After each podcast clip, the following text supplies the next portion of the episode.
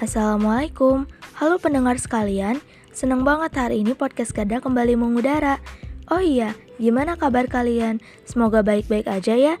Tapi sebelumnya, kenalin dulu nama aku Salo Maudina dari Departemen Penyiaran Gabungan Jurnalis Muda MTSN 1 Kota Bogor. Selain aku, ada beberapa penyiar lain yang akan menemani malam-malam kalian dan podcast Garda akan mengudara di setiap malam minggu. Jadi, jangan lupa untuk mengikuti dan mendengarkan podcast kami ya guys.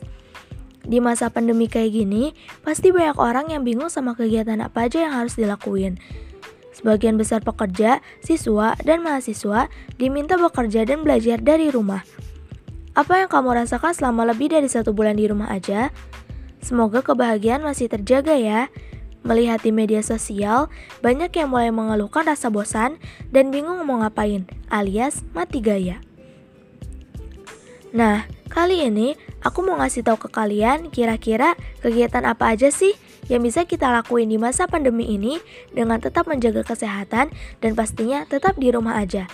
Yang pertama, ada bermain games. Banyak kegiatan anti bosan di rumah selama pandemi COVID-19 yang bisa kamu coba. Salah satunya adalah bermain games yang bisa dimainkan oleh seluruh anggota keluarga. Contohnya, permainan monopoli, ular tangga, puzzle, dan lain-lain.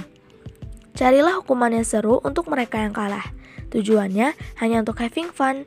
Misalnya, yang kalah wajahnya akan diberi bedak tebal atau dicoret dengan spidol, dan lain-lain. Selain seru, permainan ini juga juga akan mempererat ikatan dan meningkatkan quality time kamu bersama keluarga.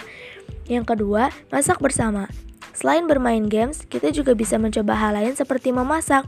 Kamu bisa mencari resepnya di internet atau sosial media dan membuatnya bersama orang tuamu atau saudaramu. Yang ketiga ada virtual traveling.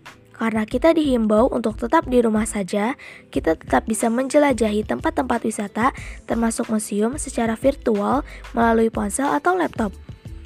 Museum mana saja yang bisa kita jelajahi? Ini beberapa di antaranya. Museum Nasional Indonesia, Museum Kepresidenan Balai Kirti, Galeri Nasional, dan masih banyak lagi. Bukan hanya seru, dengan menjelajahi museum, kita bisa mendapatkan ilmu dan manfaatnya walaupun hanya melalui ponsel atau laptop. Oke, sekian dulu podcast hari ini. Terima kasih sudah mendengarkan. Jangan lupa untuk mengikuti dan share ke semua sosial media kalian ya. Jaga kesehatan, tetap semangat dan patuhi protokol kesehatan. Sampai jumpa di lain waktu. Wassalamualaikum warahmatullahi wabarakatuh.